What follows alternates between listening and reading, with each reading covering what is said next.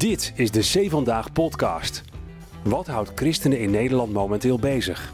Luister naar onze nieuwsredacteuren Jeffrey Schipper en Patrick Simons.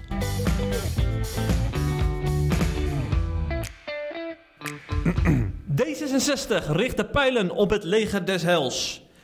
Moeten de CGK-gemeenten met vrouwen in het ambt wel of niet vermaand worden? En de fitty tussen Insalvation en LHBTI-dominee Alexander Noordijk wordt besproken in de C Vandaag podcast. Ik weet niet of het een fitty is, Jeffrey. Ik wil even gelijk inbreken. Ik vind het nogal uh, overdreven taalgebruik. Oké, maar hoe zou jij het noemen dan? Meningsverschil? Uh, ja. Oké, het meningsverschil. Het incident. Ja, ja, ja, ja. Maar het is een groot incident, hè? In, in... Het is een flink incident, ja. ja. dus dat moeten we wel even, even bespreken. Zeker. Gaan we zo meteen doen. Uh, maar eerst de ergernis van de week.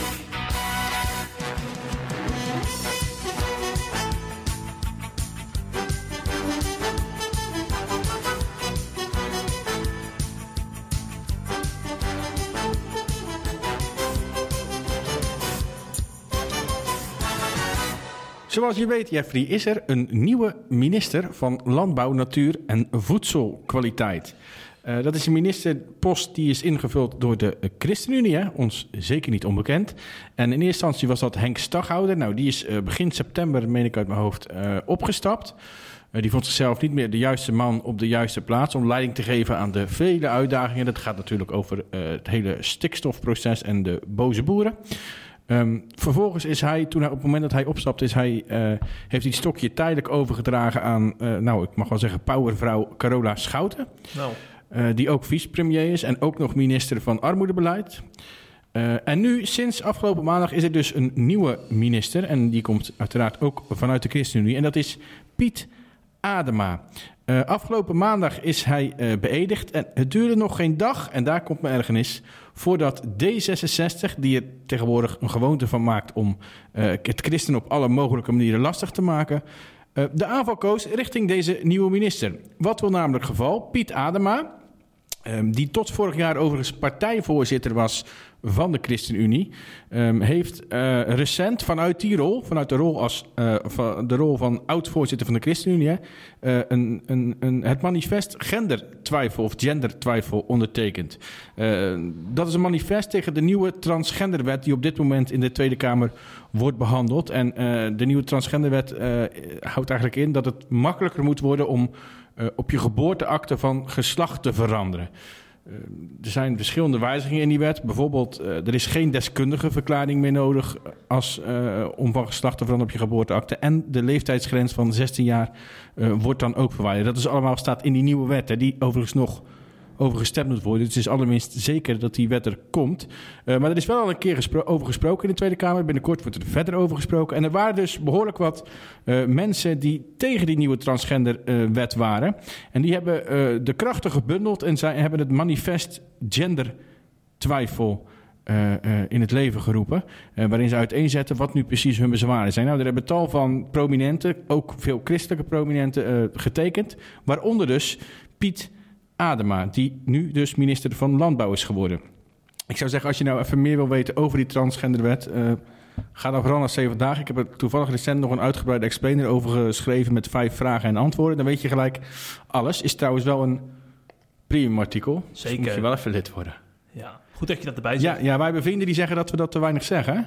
Oh ja? Ja, ja. ja die zei laatst in zijn groepsapp, zei een vriend van ons, die zei... Uh, dat moeten jullie vaker zeggen in de podcast. Jullie zeggen dat niet genoeg. Oké, okay, okay. nou bij deze. Dus bij deze, uh, Hendrik, uh, heb ik het gezegd. Um, ik ben gelijk het verhaal kwijt.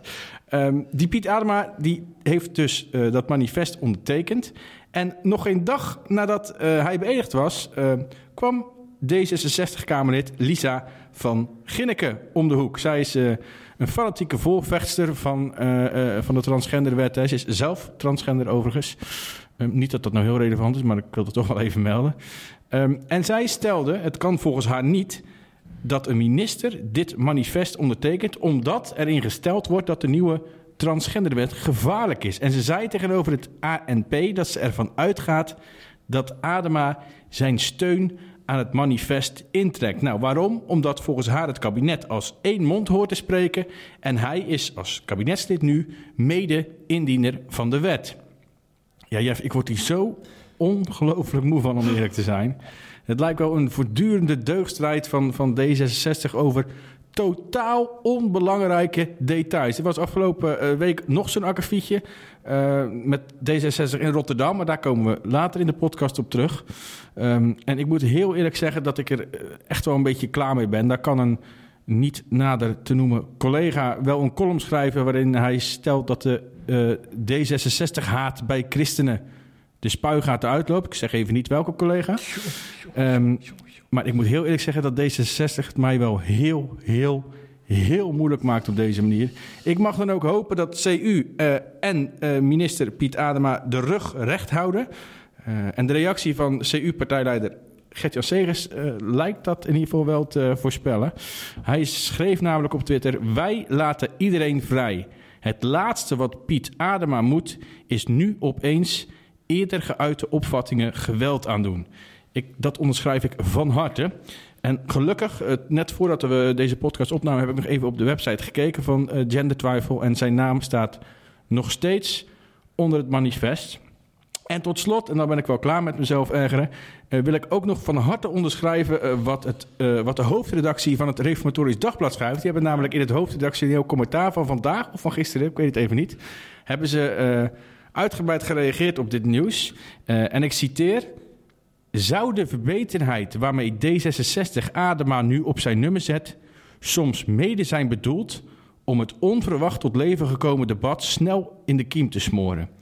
In dat geval heeft Van Ginnekes optreden een hoog denken als D66 gehalte. Dat klinkt niet alleen onverbiddelijk, maar mag vooral ook onredelijk en onfris worden genoemd. Einde citaat. Nou, amen. Het laatste nieuws uit Christelijk Nederland bespreken we in de C Vandaag podcast.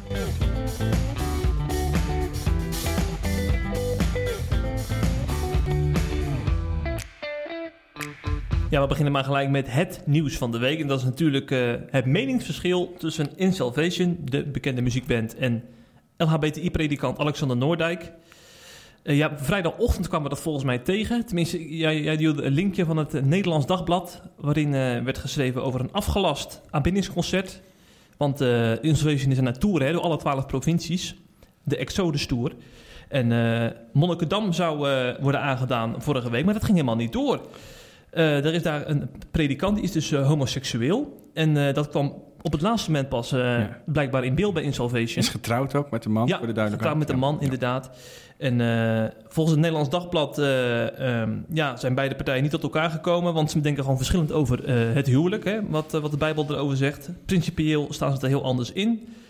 En um, Insalvation heeft wel een verzoek gedaan om iemand anders te laten bidden tijdens dat aanbiddingsconcert. Maar daar ging de kerk in Monnikendam niet in mee. Want ze hebben gewoon die gemeentepredikant Alexander Noordijk. En daar moet je het mee doen. Dat is eigenlijk de boodschap. En dan is dus de conclusie, dan blazen we het hele concert maar af. Ja, en als dat in het Nederlands Dagblad staat, uh, dan heb je alle pop aan het dansen. Want heel christelijk Nederland uh, heeft er dan volgens een mening over. Dat hebben we gezien, hè? Ja. Uh, dat kan je wel stellen, ja. Ja, ja, ja. onder wie? Nederlands Dagblad heeft er dan zelf ook vaak een mening over wel, hè? Ja, dat zie je ook op Twitter, hè? Ja. Dat uh, journalisten dan niet kunnen laten om ook een mening uh, te ventileren. Oh, wat wij ook gewoon doen. Wat we in de podcast ook doen, ja. ja wij doen dat op Twitter ook. Ik vooral, jij niet. Ja, ik ben stil op Twitter. Ik ben een beetje lafjes, ja. Ja. ja. ja. Maar bij mij gaat het ook wel eens mis. Ja, behoorlijk. Ja, zo? Wat behoorlijk? nee, ik heb er geen voorbeeld, maar soms gaat het mis. Ja, precies. Ja, laf. Weer laf. Over, uh, nee, ik, wil, ik ga geen, uh, gekke, gek, geen gekkigheid in deze podcast meer. Ik wil even serieus worden namelijk met Willem de Gelder. Nou. Online contentmaker van uh, NPO Radio 1. Hij schreef op Twitter: De christelijke wereld op zijn allerlelijkst. Met dit soort meningen van bands snap ik wel dat mijn generatie massaal afhaakt bij de kerk. Heeft hij ook nog kritiek op gekregen van theologen trouwens, hè, op, dit, op deze reactie. Dat ze niet zouden afhaken bij de kerk, maar bij dit soort bands was dan de kritiek. Vond ik wel wel scherp. Klopt ook wel, denk ik. Ja. Maarten Hag, communicatie- en PR-adviseur. Altijd het gezeur van christenen over seks. Stel, de dominee is vegan en verwijst daar graag naar in zijn preek. Klimaatschepping, respect voor dieren en zo. De band houdt van een dikke lap eh, op de barbecue. Ga je dan zeggen, ik kan niet samen met je God aanbidden? Nee, toch? Interessante vergelijking. Ja, Hè, die wou ik ook nog maken zo meteen, maar dat komt wel. Oh, Mark van der Woude, historicus en journalist, schrijft: Je zingt, maak dit huis tot een, gebed, een tot een huis van gebed. Dat is dus een lied van In Salvation. Ja, ja. En juist degene die wil bidden wordt geïsoleerd en in de steek gelaten. Heb jij tweets verzameld van, van critici van onze website? Ja, ja. Als het is nou meerdere mensen langskomen Ja. die niet zo, niet zo eh, fan zijn, zijn van onze website. Nee, nee, nee, klopt. Ja. Ja, nee, maar dat is die, puur toeval. die ga ik... Oh, dat is toeval. Ja, Gelukkig. Ja, ja, ja. Maar deze Mark van der Woude die stelt dus eh, eh, dat de daad niet overeenkomt met het woord bij eh, In Salvation. Geert-Jan Noorman, is dat, aan de andere kant hangt hij, directeur van Stichting Vredesteamen. Wow, ruggengraat bestaat nog, zegt hij. Ja, dat is typisch Geert-Jan, zo kennen we hem eh, Ja, ja. helemaal. Ja. En ik dacht afsluiten met wat verbindende, genuanceerde reacties. Zoals van Mirjam van der Vecht, schrijfster. Als broers en zussen er niet uitkomen, wordt het tijd om samen naar de vader te gaan. Diversiteit qua mening in het gezin mag. En ook heeft iedereen spreekrecht en bidrecht in het gezin. Er komt een dag dat we allemaal samen aan de tafel zitten. De dominee in de bed naast elkaar. Ik zie er naar uit, zegt Mirjam. En Jan Pol, spreker. Ja, dat doet pijn. Maar ik weet dat Javed het heel respectvol en zonder veroordeling heeft gecommuniceerd. We zullen als kerk moeten leren omgaan met onze verschillende overtuigingen. Ik hoop van harte dat onze liefde sterk genoeg zal zijn om die ruimte aan elkaar te geven. Dat waren hele mooie woorden van Jan Pol. Die Zeker. heeft altijd zulke mooie verbindende woorden. Daarom hebben we ook gebeld, hè? Prachtige kerel. Ja. Ehm, de- de hoofdrolspelers zelf hebben natuurlijk ook gereageerd. Oh wel, gereageerd. Eh, het lijkt er eh, vooral op dat In Salvation zelf zo weinig mogelijk wil reageren. Ze hebben ehm, tegenover het Nederlands Dagblad in eerste instantie volgens mij heel kort gereageerd. En hielden eh, voor de rest de pers zoveel mogelijk ehm, af. Dat begrijp ik ook wel, moet ik eerlijk zeggen. Want, want op dit moment is eigenlijk alle aandacht voor hen of voor deze zaak slecht voor de band. En voor hen, voor hen als personen. Ehm, en ook de bewuste predikant, eh, Alexander Noordijk, zei in eerste instantie niet zo heel veel. Hij zei zelfs dat hij eigenlijk niet wilde reageren. Maar vervolgens zag ik hem toch in verschillende media langskomen. Ja, dat is een beetje hoe journalistiek werkt, denk ik ook. Dat mensen hem dan Ja. blijven bellen. Dan ga je, Ja. Als je dan bij ene doet, dan kan je het bij de ander ook weer geen nee zeggen. Ehm, en ik vond het wel mooi als ik zijn reacties in die verschillende media's zag... dat hij ehm, daarin niet echt ging schoppen of, of uithalen naar Insalvation. Eh, die neiging heb je natuurlijk wel dan als je zo in je, in, je, in je hart geraakt wordt, laat ik het zo zeggen. Nou, hadden een column van John Lapré, die schrijft wel vaker voor ons. Eh, ook homoseksueel, eh, ook christen, opgegroeid in de kerk. veel pijn gehad in het verleden door de manier waarop de kerk met hem om is gegaan als homoseksueel. Ehm, en hij schreef een prachtige column. Ik moet zeggen dat, dat zijn reactie me, wel ontroerde. En dat heb ik niet zo snel meer tegenwoordig, om eerlijk te zijn. Ehm, en ik zou daarom ook echt iedereen willen aanraden om deze column te gaan lezen. En ik wil er eh, één citaat uitlichten die ik wel heel erg mooi vond. Ehm, terwijl ik dit schrijf, eh, galmt in mijn studeerkamer een nummer waarmee In Salvation onder andere bekend is geworden, schrijft John. Vul dit huis met uw glorie. Ik voel de tranen branden achter mijn ogen. Als de slechte geur zal zijn verdreven door wierook van aanbidding. Als we geloven dat alles, dus ook de woorden van een homoseksuele dominee, opstijgt tot Gods neusvleugels, zal het dak van de kerk dan niet openbarsten. Zal zijn heerlijkheid dan ons hart en huis niet vullen. Dat is ook een hele, hele mooie quote. Sterk hoor. Echt heel ontroerend. En opnieuw, net als bij die dominee, geschreven, die column, zonder te schoppen en zonder eh, terug te slaan. En ik moet heel eerlijk zeggen dat ik daar best wel van onder indruk ben. Want ik weet, in het geval van John weet ik dat... en dominee Alexander Noordijk heeft zich er ook al wel eerder over uitgelaten... dat zij ontzettend veel eh, pijn is aangedaan uit de naam van Christus. En ik denk dat we daar eh, ons als christenen en als kerk... eh, te weinig mee bezig zijn en dat ook te weinig beseffen. In het verlengde daarvan wil ik er eigenlijk zelf ook nog wel iets over zeggen. Ehm, kijk, ik vind helemaal niet dat je eh, er- hetzelfde over moet denken... over het onderwerp homoseksualiteit als eh, die dominee of als John Lapré. Ehm, sterker nog, ik denk dat dat in dit geval helemaal niet de discussie is... dat je hetzelfde moet denken. Ehm, maar hoe langer ik zelf persoonlijk over dit incident nadacht... hoe bozer ik werd eigenlijk. Want ja, hoe kan je nou toch zeggen dat iemand tijdens jouw concert niet mag bidden, dus niet met God mag praten, omdat hij een andere kijk heeft op homoseksualiteit. En dus ook anders leeft op dit gebied. Ik geloof echt niet dat, dat Jezus dit wil doen. Let op, ik zeg niet dat Jezus eh, ehm, ehm, eh, homoseksualiteit praktiseren prima vindt. Dat zeg ik helemaal niet. Maar dat is dus helemaal mijn punt niet. Mijn punt is wel dat de kerk, en dat heb ik al vaker in deze podcast gezegd. ehm, de kerk eh, is op een of andere manier van homoseksualiteit, of van, homoseksualiteit, van seksualiteit in het algemeen ook, ehm, het hoofdonderwerp van het christelijke geloof gaan maken. Eh, en dat is het gewoon niet. Dat is het niet als ik de Bijbel lees. Dat is het niet als ik eh, het leven van Jezus bestudeer. Dan is het, er wordt wel over gesproken in de Bijbel. Maar het is niet het hoofdonderwerp of de hoofdzaak van het christelijk geloof. En misschien zouden we ons als christenen, inclusief wij zelf of ik zelf, laat ik voor mezelf spreken, ehm, eens van die houding bekeren. Want laten we eerlijk zijn, Jeffrey. Wanneer heeft een christen geweigerd om het podium te delen met iemand die in hoogmoed leeft? Wanneer besloot een christen om niet met iemand op te treden omdat diegene in een dikke Land Rover of een dikke Mercedes rijdt, een dikke villa heeft en leeft met de mammon, de god van het geld? Weet jij een voorbeeld van christenen die op een podium niet mag bidden of niet mag preken omdat hij liegt of roddelt? Nee, dat gebeurt nooit. Ook in zo'n feestje zal dat niet doen. En toch zijn dit de zonden die in de Bijbel talloze malen worden omschreven als hele erge zonden die God haat. Onder meer in spreuken kan je dat vinden, maar je leest in heel de Bijbel door. En daar, dat vinden we dan ineens niet zo belangrijk.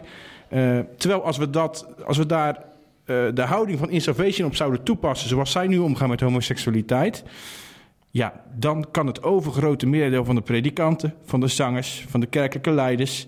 en alles en iedereen die een taak heeft in en rondom de kerk... wel een andere baan gaan zoeken. En laten we eerlijk zijn, Jeff, dan kunnen wij ook wel stoppen. Ja, dat kun je wel zeggen. Maar ik wil er nog even wat over zeggen. Ja, Want ik, doe maar niet.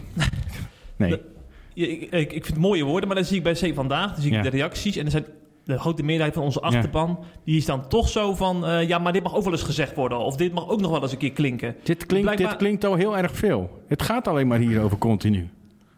Dat snap ik dus niet. Dat is precies het wat ik bedoel. We zijn allemaal heel erg Ja. gefocust op... Nee. Eh, en en dan, die, die reacties zijn dan als- alsof wij... Dat doen ze ook naar ons. Alsof wij alleen maar aandacht geven aan eh, mensen als Lapré... Die, aan die Ja. dienstwijze homoseksualiteit. Dat is helemaal niet waar. Wij Dominic, Dominic Klaassen. ruim... Dominic Klaassen, maar er zijn meer voorbeelden van. Ja. Eh, columnisten die, die een andere mening erover hebben. We hebben een, een briefwisseling gehad tussen dominee van Renen... die heel conservatief is op dit gebied... Ja. en een transgender. Ja. Ehm, ja, maar hun punt is ook, je, er is een sentiment in de maatschappij dat je Ja. niet meer mag denken zoals in Salvation. En zij zien nu van, eindelijk is er een statement gemaakt, dat, dat vinden zij. Ja, ja maar nee, dat is geen. Kijk, maar dat is dus. Nou Ja. je in wat ik eigenlijk aan het begin benoem. Mhm. Het gaat er niet om eh, dat je hetzelfde denkt als eh, in dit geval Ja. Alexander Noordijk. Want ik weet zeker, of ik weet zeker, dat is niet waar. Ik vermoed Mhm. dat Alexander Noordijk het geen probleem vindt om met hen het podium te delen als zij uitgesproken zijn over, over hun mening over homoseksualiteit die anders is dan die van, van hem, zeg maar. Dus hij vindt het geen probleem met iemand het podium te die zegt ik vind homoseksualiteit, eh, homoseksuele praxis een zonde. Ik vermoed dat hij dat echt geen probleem vindt. Andersom wel. Dus het gaat niet om dat je die mening niet mag hebben. Van mij mag je die mening prima hebben. Maar het gaat er meer om dat als iemand een andere mening heeft dan jij, dus prima dat jij homoseksualiteit een zonde vindt. Ehm, maar dat je als, als twee christenen, de ene vindt het een zonde, de ander vindt van niet en die vindt dat het kan. ehm, zolang het gaat om een duurzame, liefdevolle relatie en niet om seksuele excessen. ehm, dat je prima als die twee dingen, mensen naast elkaar, op een podium zou moeten kunnen Ja. staan. Of in een Ja. kerk zou moeten kunnen zitten. Mhm. Maar dan vind ik het schokkend om te lezen dat het dus niet overkomt. Ondanks al die artikelen. nee, maar die mensen maken zich, dus, dus dat was dus precies mijn punt. Ja. Die mensen maken zich nooit druk over wat die Ja, punten die ik net noem. Over hoogmoed, over roddelen. Over, maar hè, de tong wordt in de Bijbel als het, eh, het instrument genoemd waar de meeste zonden mee gedaan worden. Eh, maar daar maken diezelfde mensen zich nooit druk om. Dus dan kan je wel zeggen, het mag ook een keer gezegd worden. Het wordt voortdurend gezegd. En hiermee maak je geen statement. Hiermee trap je iemand op zijn hart en op zijn ziel. Wat, wat iemand ook zei, alleen maar verliezers. Bij, Alleen maar beide verliezers. kanten. Alleen maar verliezers. Dus dat- daar, daar sta je dan met je gelijk. Ja, dus nogmaals, het gaat me er niet om wat Insalvation vindt. Het gaat me erom eh, wat ze ermee doen. Ja, nee, dat is helder. Dat is Dat is mooi in deze context. Ja. Ehm, Jan Pol, hè, daar hebben we het even over gehad. Die hebben we even gebeld maandag. Ja, jij, dachten, jij. Niet, die- niet ja. ga nou niet meer wat over jezelf spreken, eh, Louis. Oké, oké, oké. Maar eh, hebben we natuurlijk bewust gedaan. Want we dachten, we, we kunnen heel makkelijk kunnen we iemand bellen die, eh, die helemaal aan de, aan, de, aan de kant van Ja. het feestje staat, van de andere kant. Ja. Maar dit is natuurlijk iemand die in het radicale midden staat. Daar hou ik van, hè? Het radicale midden, dat weet jij. Ja, schijnterm. Maar, eh, eh, dus wij hebben hem gebeld. En zijn interview, die is ook goed gelezen trouwens, zag ik. Die wil ik even in vier punten samenvatten. Vier punten. Ja, in vier punten, ja. Nou, wat, wat ik opvalt aan het interview... Ga ik wel even koffie halen. Wat mij opvalt aan het interview, is dat hij dus de, eh, de digitale steniging van Jaap Becks, dat is dus de aanbiddingsleider van uh, dat hij die veroordeelt. Hij verwijst naar eh, de overspelige vrouw op het Tempelplein, die, eh, die wilde ze stenigen. En datzelfde ziet hij nu met Jaap Becks op social media gebeuren. En daar neemt hij echt afstand van. Vind ik ook mooi van. Ik denk dat ze elkaar ook kennen, dat hij dat daarom zo zegt. Het valt me ook op, tweede punt, dat Jan Pol deze, dit conflict praktisch of pragmatisch benadert.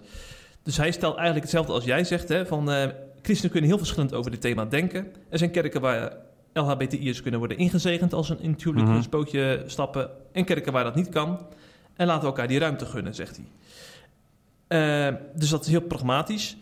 En een mooie les die hij deelt is, ten derde, is dat hij na- eh, de nadruk legt op het belang van duidelijkheid scheppen naar elkaar als je een samenwerking aangaat. Hè? Want dit is dus een, ja, je zou kunnen zeggen, een interkerkelijk concert. En dan heb je al heel snel met verschillende meningen te maken, want je, je bent dan even niet in je eigen kerk. En dan zegt hij, dan moet je al aan de voorkant moet, je, moet helder zijn hoe je over principiële zaken denkt. En dan kun je dus al zeggen van we gaan niet met elkaar in zee. Want nu kom je natuurlijk op het laatste moment erachter.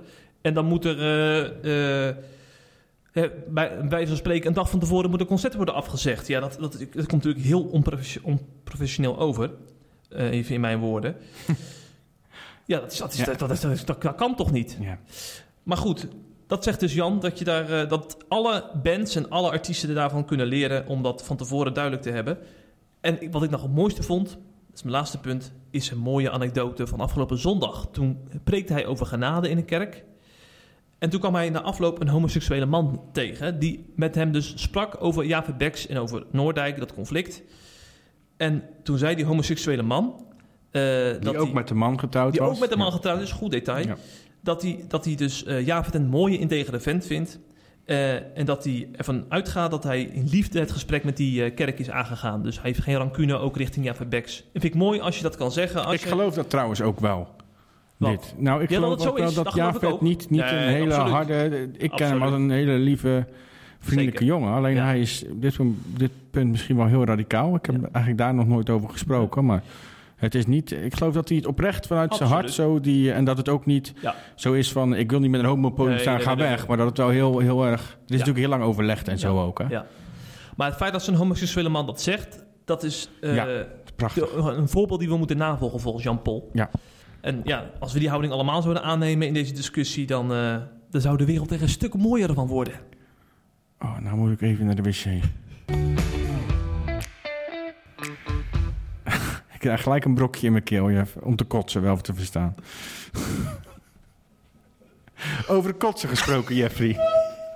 D66 Rotterdam, die heeft schriftelijke vragen gesteld. Ik refereerde er net in mijn ergernis al aan.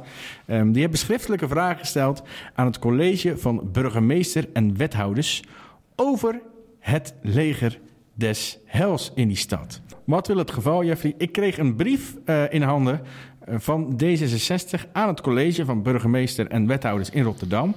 En daarin stond kort gezegd dat D66 het niet vindt kunnen dat het leger des hels in haar vacatures, dat is trouwens niet alleen die stad, dat is volgens mij landelijk, ehm, heeft staan dat toekomstige medewerkers, waar ze naar op zoek zijn dus, zich moeten identificeren als christen en ook kunnen toelichten wat dit voor hen en hun leven betekent. En daar is D66 Rotterdam niet van gediend en ze noemden dat een, in die brief een onwenselijke vorm van discriminatie.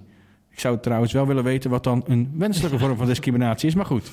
Ehm, en daarom vindt D66 dat de gemeente Rotterdam op deze manier niet langer met het leger des Hels kan samenwerken. En ze vroegen de wethouder ook om het gesprek aan te gaan met de organisatie. Want leger des Hels is natuurlijk een hele grote ehm, eh, hulporganisatie en die wordt van daarom ook door eh, eh, de overheid, door de lokale overheid Rotterdam in dit geval, maar volgens mij ook landelijk gesubsidieerd. Eh, nou, ik ben daar achteraan gaan achter die brief. Ik heb wat mensen gebeld, onder meer eh Fatih LB. Ik hoop dat ik zijn naam goed uitspreek. Hij is woordvoerend raadslid van D66 Rotterdam. En hij benadrukte op, de, ik, ik heb een paar vragen gesteld. En hij benadrukte, dat kwam overigens ook in de vragen die ze gesteld hebben naar voren. Hij benadrukte dat het, D66 het werk van Leger des Heils zeer waardeert. Ik vind het belangrijk om dat wel te benoemen. Want nu, dat schrijven ze uitgebreid ook in die brief. Eh, maar, en nu komt het. Het is de taak van D66, zei LB, om kritisch te kijken naar het beleid van een organisatie die door de gemeente gesubsidieerd wordt. En hij vertelde me onder meer dat volgens hen de mensen die een diep gewortelde motivatie hebben en een goede cv eh, om bij het leger des Heils aan de slag te gaan, door datzelfde leger des Heils bij de voordeur worden uitgesloten omdat ze geen christen zijn. En dat is volgens hem discriminatie. Nou, ik heb vervolgens ook gesproken met het leger des Heils en die reageerde, dat vond ik best wel bijzonder, reageerde vrij nuchter op, op eh, die vragen en op die beschuldigingen. Ehm, ze stelden dat ze gebruik maken van eh, de uitzonderingsregel dat je in het geval van levensovertuiging onderscheid mag maken bij je, aanname, bij je personeelsbeleid, bij je aannamebeleid. Als het maar wezenlijk, legitiem en gerechtvaardigd is voor het werk van de organisatie. Nou, Menno de Boer, dat is de woordvoerder die ik sprak, die stelde dat dat bij het Leger des Heils het geval is. Sterker nog, in het verleden is de organisatie al eh, meerdere keren gedaagd op dit punt. Ehm, en iedere keer werden ze in het gelijk gesteld. En ik vermoed dat D66 daar heel goed van op de hoogte is, maar dat het dus gewoon even wat deugdpunten voor de achterbanscore is. Lekker. Ehm, maar ze maken zich dus geen enkele zorgen bij het leger Heils. En wat Menno de Boer nog meer zei, en dat vond ik wel heel mooi. Christus is ons grote voorbeeld. Wij geloven in de Bijbelse opdracht om onze naaste lief te hebben en de helpen hand toe te steken waar dat nodig is. We willen graag, en nu komt het, dat mensen die voor ons werken dat ook vertellen als er naar gevraagd wordt. Nou, dat vind ik een hele goede en eh, duidelijke eh, mening. Ja. En ik vind dat prima dat ze dat doen. Eh, ik heb ook nog gesproken met Robert-Jan van der Werken. Dat is, hij is burgerraadslid namens de ChristenUnie Rotterdam. Die was behoorlijk ontsteld over de hele gang van zaken en over de actie van D66. Hij noemde die actie dan ook erg jammer. En ik citeer, het lijkt een gebaar naar een zuur gedeelte van de D66-achterban. Dat zijn SGP-teksten dit, man. Dat, ja, ja, ja, ja. Maar ja, hij kan zich daar behoorlijk Ja, boos om maken. Ja. ja. En terecht, vind ik. Overigens voor de duidelijkheid, het leger des Heils maakt dit- dat onderscheid dus in eh, personeel dat ze aannemen. Met als reden die ik net noemde. Ze willen dat het personeel kan uitleggen aan mensen die ze helpen. Dit doen wij omdat wij in God geloven. Maar ze maken geen onderscheid in mensen die ze helpen. Welke religie je ook bent, welke politieke partij je ook aanhangt, welke, eh, eh, welk geslacht je ook bent, wat je seksuele voorkeur ook is, welke drugs je ook gebruikt of niet. Leger Heils helpt je altijd. Laat dat heel duidelijk zijn. En tot slot ehm, vind ik het ook nog wel belangrijk om mee te delen dat dit niet de eerste keer is dat dit gebeurt. Of dat er iets dergelijks gebeurt. Wat wel namelijk het geval al in 2009. Ik kwam een oud artikel van jou daarover tegen. Ik moet zeggen dat je toen nog niet zo ver journalistiek ontwikkeld was als nu. Maar Want, al in, Dat zag je in de tekst? dat zag ik in de tekst, ja. Oh, Oké. Al in 2009 riep een meerderheid van de gemeenteraad in, hoe kan het ook anders, Amsterdam, het college van burgemeester en wethouders op om geen subsidie meer te geven aan hulporganisaties met een levensbeschouwelijke grondslag. Destijds werd er ook een motie aangenomen door, door de meerderheid van de gemeenteraad, waarin eh, het college werd opgeroepen om als gemeente niet meer in zee te gaan met organisaties die enkel personeel werven uit bepaalde religieuze of culturele groepen. Dus dat zou in dit geval ook des Heils zijn. En ook wilde men dat er in contracten met organisaties en instellingen werd opgenomen dat ze niemand mogen uitsluiten in een aannamebeleid. Overigens, die motie, ook al werd die aangenomen door een meerderheid in, het, eh, eh, gemeente, in de gemeenteraad, werd door het gemeentebestuur, door het stadsbestuur niet uitgevoerd. Eh, en destijds reageerde André Rauwvoet, die op dat moment namens ChristenUnie vicepremier was, landelijk. Die vatte eigenlijk in een reactie op dat gebeuren in Amsterdam eigenlijk precies samen hoe ik nu over de situatie in Rotterdam denk. Hij zei, hij zei namelijk: Amsterdam is in de war. En daarom zou ik in dit geval ook willen zeggen: D66 Rotterdam is in de war. Of gezien andere ontwikkelingen op dit moment, D66 is in de war. Het is toch al een D66-bash-podcast gaan ja, worden? Ja, dat, Ik heb in de inleiding al gezegd, Ja. of in de ergernis, dan maken ze het zelf. Ja, ja, nee, het zeker. Zeker. Daarom ga ik er ook niet tegen in. Nee, nee, je moet durven. Gert-Jan Segers gaat daar ook niet tegen in. De Nee. fractievoorzitter Nee. van de ChristenUnie. Nee, Hey, mooie reactie. Ik ga hem toch even helemaal voorlezen hoor, van Twitter. je hebt groot gelijk. Een voetbalclub bestaat uit voetballers, D66 uit democraten en een christelijke organisatie uit christenen.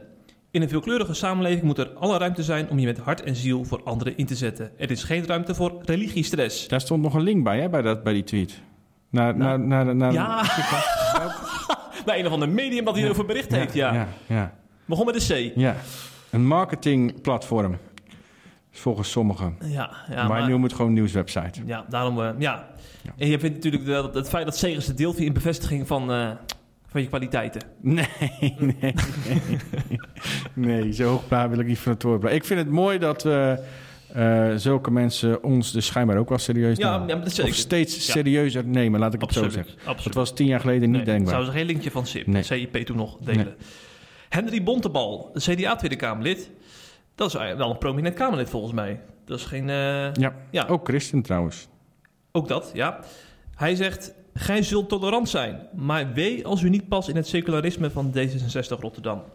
Want vanuit je geloof zonder aanzien des persoons mensen in nood redden... dat is natuurlijk een probleem, puntje, puntje, puntje.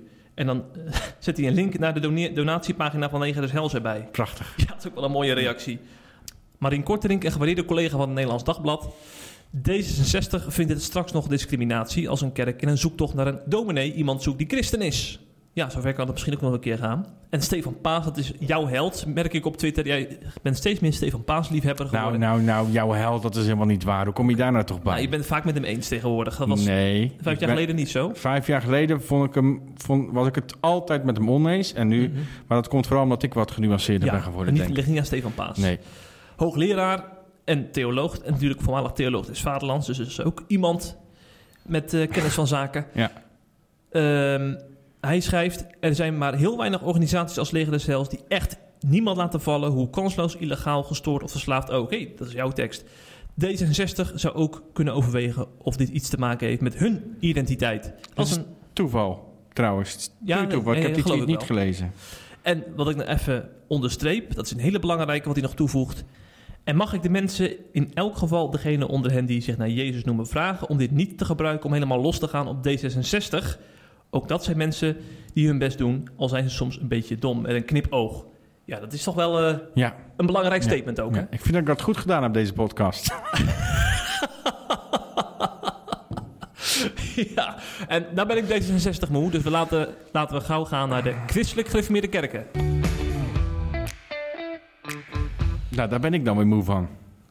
Ja, dat blijft ook maar terugkeren, hè, in het nieuws. Blijven maar over... Ongelooflijk. Want je zou zeggen, in april hebben ze eindelijk een synodebesluit genomen, dus dan weten we het wel. Ja, en nou is er weer ja, meningsverschil over, over hoe je die besluiten moet Ja, interpreteren. hoe je het al dan niet moet gaan vermanen. En, Ja, ach, ach, ja, ach, ja, ach, ja. ach, ach. Ja, vermalen, dat is het woord Hoe, van de hoe, week. zou God, hoe zou even, nog los van het CGK, maar hoe zou God nou af en toe toch naar beneden kijken? de als, kerkpolitiek. als hij ziet welke, wat een enorme puinhoop wij van heel de kerk hebben gemaakt. ja. We rollen over Ja. straten heen, over, eh, over allerlei onderwerpen. Soms de, de, de, de kleinste kommatjes of dingetjes maken we ruzie over. Gaan we een eigen kerk voor beginnen. We lopen weg uit kerken om een eigen kerkje te beginnen. ja, maar ik snap jou wel, ik snap jou wel. Maar dominee de Boer heeft hier vorige week een, een belangrijke lezing over gegeven. Waarin hij uiteenzet waarom zeg maar, de vrouwenkwestie volgens hem alles te maken heeft met hoe je de Bijbel leest. Ja, ik, zoomde, ja, Ja. ik snap het wel, maar ik zoomde even uit. Niet ik had niet specifiek over dit, maar Mhm. ik zoomde even uit. Ja, in zijn algemeenheid. In zijn algemeen. Dus Ja, zo, klopt, ik, ben, ik, ik word kerkmoe, eerlijk gezegd. Ja, en ik ja. merk om me heen heel veel mensen met. Maar dat is ook precies de reden niet dat heel veel... maar kerkmoe. dat heel veel mensen van mijn generatie zich aansluiten bij buurtkerkjes. Want daar, ga je, daar heb je Ja. gewoon hele praktische overwegingen van hoe zijn wij hier christenen in de wijk. Of mozaïek. Ja, of mozaïek inderdaad. En dan heb je helemaal niet met kerkpolitiek Ja. te maken. Heerlijk. Ja, maar goed, daar heeft men in CGK eh, heeft men daar wel mee te maken. En daar schrijven wij dus ook over. Want wij zijn nou eenmaal ook een platform dat in de CGK wordt gelezen. Ik zag ook eh, weer dominees die lid waren geworden. Ik kwam ze tegen bij de Haamstede-conferentie. Nou, Jullie doen goed werk, zeiden ze. Jij wil weer even benoemen dat je daar geweest bent? en dat je complimenten kreeg? Ga je gang. Alle ruimte voor jou. Dominique Kiefiet is ook met vreugde lid. Met vreugde. Ja, Ja, dat is mooi. Zeker. En ik hoop ook dat u de podcast luistert. Maar wat is er nu in de actualiteit? Eh, nou, allereerst er is dus een synodebesluit genomen in april. Hè? Eh, daarin is nogmaals het eerdere besluit eh, onderstreept dat vrouwen geen ambten mogen eh, beoefenen. Dat is bevestigd. Een eerder besluit dan 1998. Maar waar uw verwarring over is, is of je de gemeente waar wel vrouwen in het ambt zijn, of je die wel of niet moet vermanen.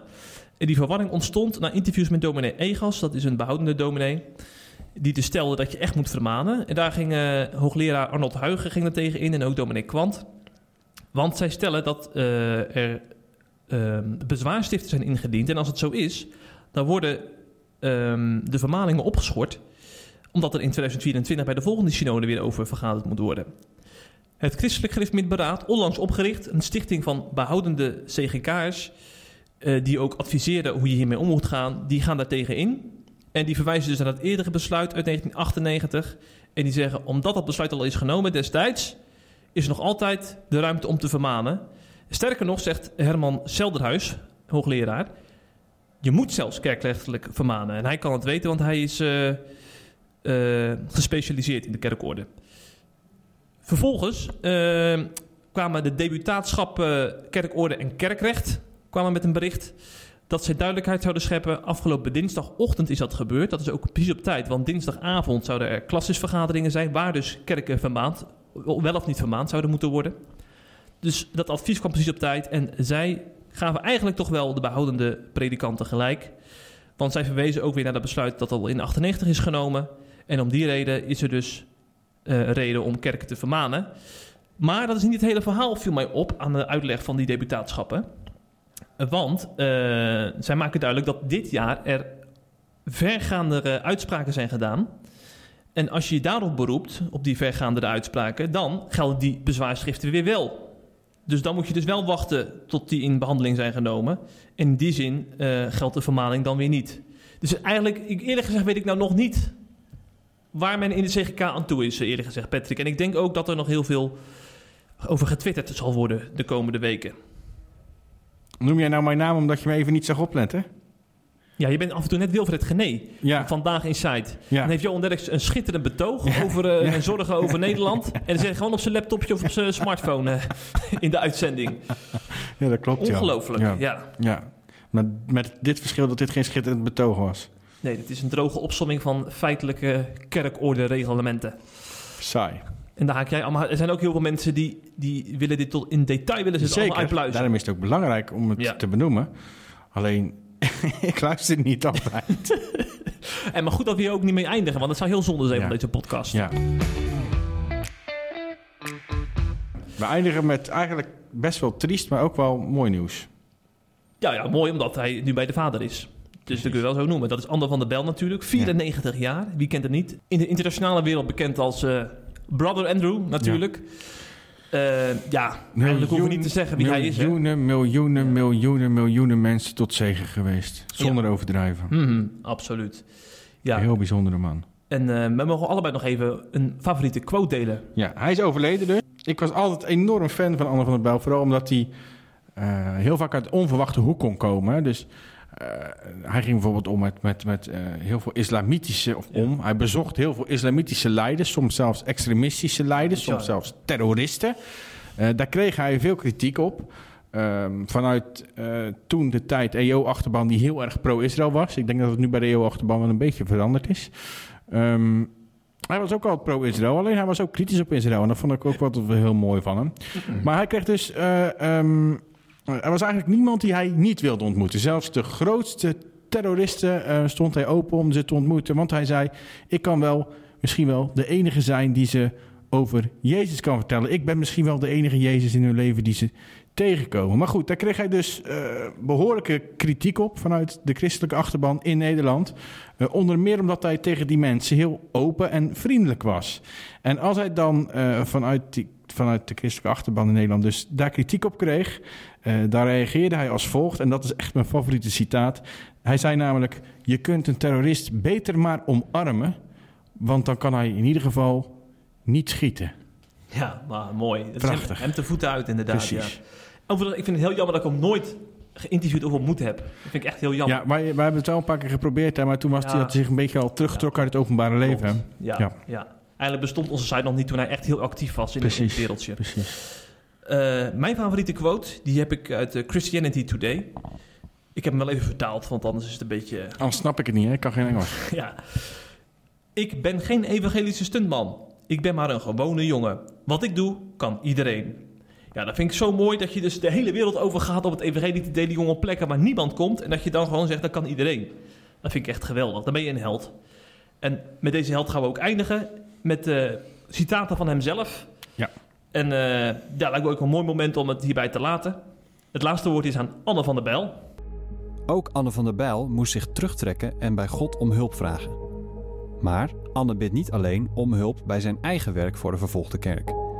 Hij bidt ook voor wie vervolgen. Mijn enige roeping vanuit de Bijbel en door de Heilige Geest toegepast in mijn leven is de moslim liefhebben. En mijn eerste gebed morgens is echt waar voor moslimleiders. Ik noem ze bij naam en ik bid dat God iemand op hun weg zal zenden deze dag die ze een stapje dichter brengt bij Jezus Christus, de redder der wereld.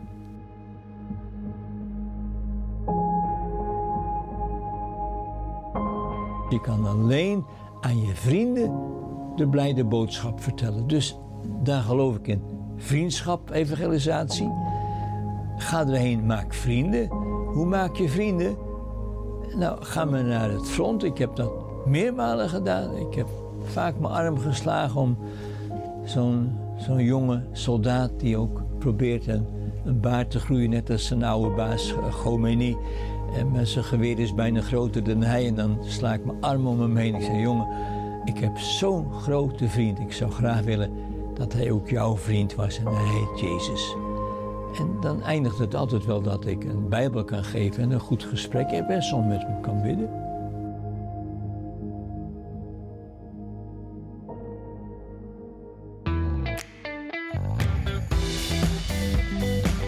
Hopelijk heb je genoten van deze C Vandaag podcast.